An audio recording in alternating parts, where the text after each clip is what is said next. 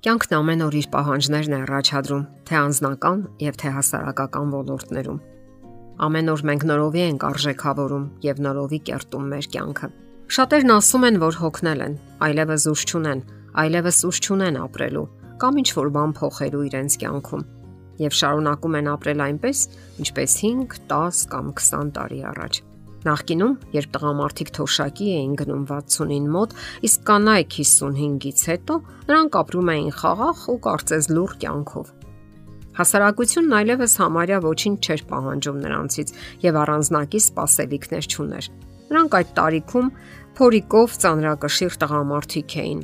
որ ժամանակն անց էին կացնում բազմոցին թերթ կարդալով կամ փոքրիկ տաղավարներում թղթախաղ ու շախմատ խաղալով։ Դժվար էր պատկերացնել, որ նրանք կարող էին վազել պուրակներում կամ բարձրանալ լեռները։ Դա շատ տարօրինակ կլիներ։ Եվ նույնքան տարօրինակ կլիներ, եթե որևէ միայնակին փորձեր նորից ամուսնանալ կամ իր ուզած ձևով դասավորել կյանքը։ Հասարակությունն այդ ժամանակ կփորձեր պարտադրել իր կամքը եւ ենթարկել այսպես ասած բանադրանքի։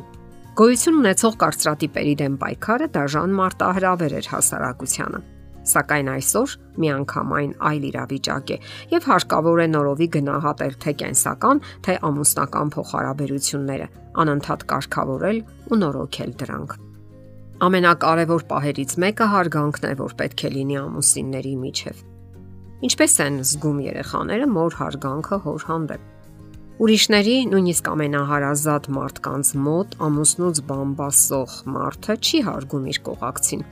Եվ այդ անհարգալից վերաբերմունքը փոխանցվում է նաև երեխաներին։ Իսկ այժմ հիշեք եւ փորձեք պատասխանել հետեւյալ հարցին. Ձեր մայրը հարգել է ձեր հորը։ Ինչպես եք դուք հասկացել դա։ Նկատենք, որ երեխաներին պետք չէ որևէ բան բացատրել ու պատմել։ Նրանք դա զգում են։ Եվ եթե դուք չեք հարգում ձեր ամուսնուն, Երեխաները կարող են բողոքել ու տարբեր ձևերով դրսևորել իրենց բողոքը։ Նրանք կսկսեն ձեզ չլսել, հաճախակի վիրավորել ու կոպտել։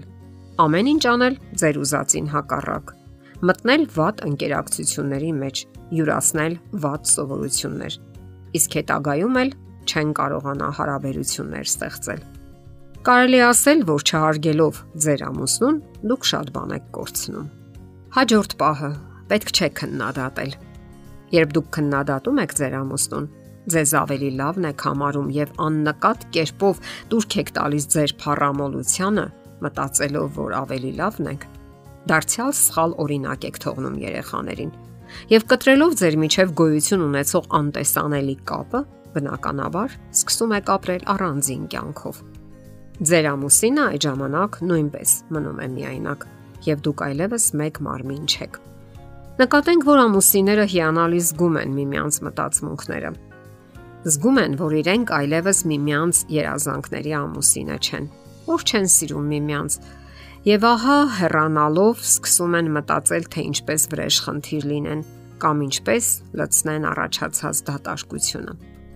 Շատերն ասում են, որ իրենք անընդհատ տարաձայնությունների մեջ են, որ համատեղելի չեն։ Սակայն շատ ավելի ճիշտ է այն, որ համատեղելի զույգեր ընդհանրապես չկան։ Մարդիկ տարբեր են։ Երկու միանման մարդ մեր աշխարհում պարզապես գոյություն չունեն։ Ահա թե ինչու վիճաբանությունները, եթե իհարկե դրանք անցնում են խաղաղ մտնոլորտում, ունեն դրական կողմեր, որովհետև զույգը սովորում է հասկանալ։ Սովորում է փոխվել, ոչ միայն սпасել, թե դիմացինը երբ կփոխվի։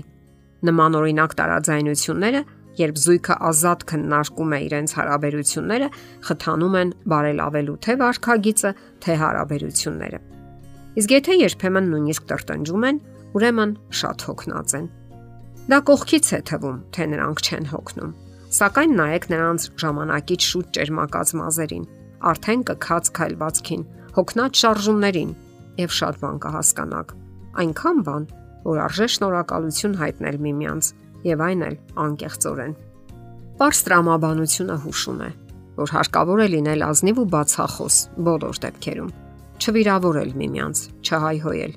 պահպանել թե իր, թե դիմացինի արժանապատվությունը։ Պետք չէ ածականներ կպցնել։ Շատ ամուսիններ թունոտ դիտողություններ են անում, նկատողություն, վիրավորական խոսքեր ու մեկնաբանություններ։ Իսկ հետո նրանք արդարանում են, թե կատակել են։ Առողջ հարաբերությունների դեպքում ամուսինները սիրով ու հարգանքով են վերաբերվում միմյանց։ Այսօր շատ ու շատ փաստեր են ապացուցում, որ մեծապես տարածված է արտաամուսնական սեռական հարաբերությունը։ Սակայն նույնքան փաստ է, որ դրանք քայքայում եւ հյուծում են մարդու հոգեվոր ու հուզական կենսունակությունը։ Մենք կարող ենք անտեսել երկրային ձգողականության անխախտ օրենքը եւ ցածկել 10-րդ հարկից։ Սակայն որքան էլ այն անտեսենք, դրանից այն չի փոխվի, չի անհետանա, իսկ ահա մեր վախճանը ցածկելուց հետո խիստ կասկածելի է։ Ահա թե ինչու դավաճանող անհավատարիմ կասկածելի արկածներ որոնող մարդիկ ոչնչացնում են թե իրենց եւ թե ցավոք ուրիշներին։ Ամուսնական առողջ հարաբերությունները հիմնվում են նաև առողջ սեռական կյանքի վրա, որովհետև սեռական մերձությունը հավատարիմ տղամարդու եւ սիրող կնոջ միջև կարող է դառնալ կյանքի ամենահիանալի ապրումներից մեկը։ Առողջ ամուսնության մեջ սեռական միությունը մերձության հիմնական դրսևորումն է, երբ ցանկանում են ճանաչել սիրելի մարդուն եւ ճանաչված լինել։ Մերձ կյանքը կարող է հարստացնել ու խորացնել ամուսնու եւ կնոջ հուզական, մտավոր եւ հոգեվոր միությունը։ Մյուս կողմից Արգելված սեռական հարաբերությունները կարող են ֆիզիկական, հուզական եւ հոգեվոր աղավաղումների առիթ դառնալ, որոնք քայքայում են մարդու մարմինը եւ հոգեկան աշխարհը։ Ընտրությունը միշտ դուք եք կատարում։ Եթերում ընտանիք հաղորդաշարն է։ Ձեզ հետ է Գեղեցիկ Մարտիրոսյանը։ Հարցերի եւ առաջարկությունների համար զանգահարել 033 87 87 87 հեռախոսահամարով։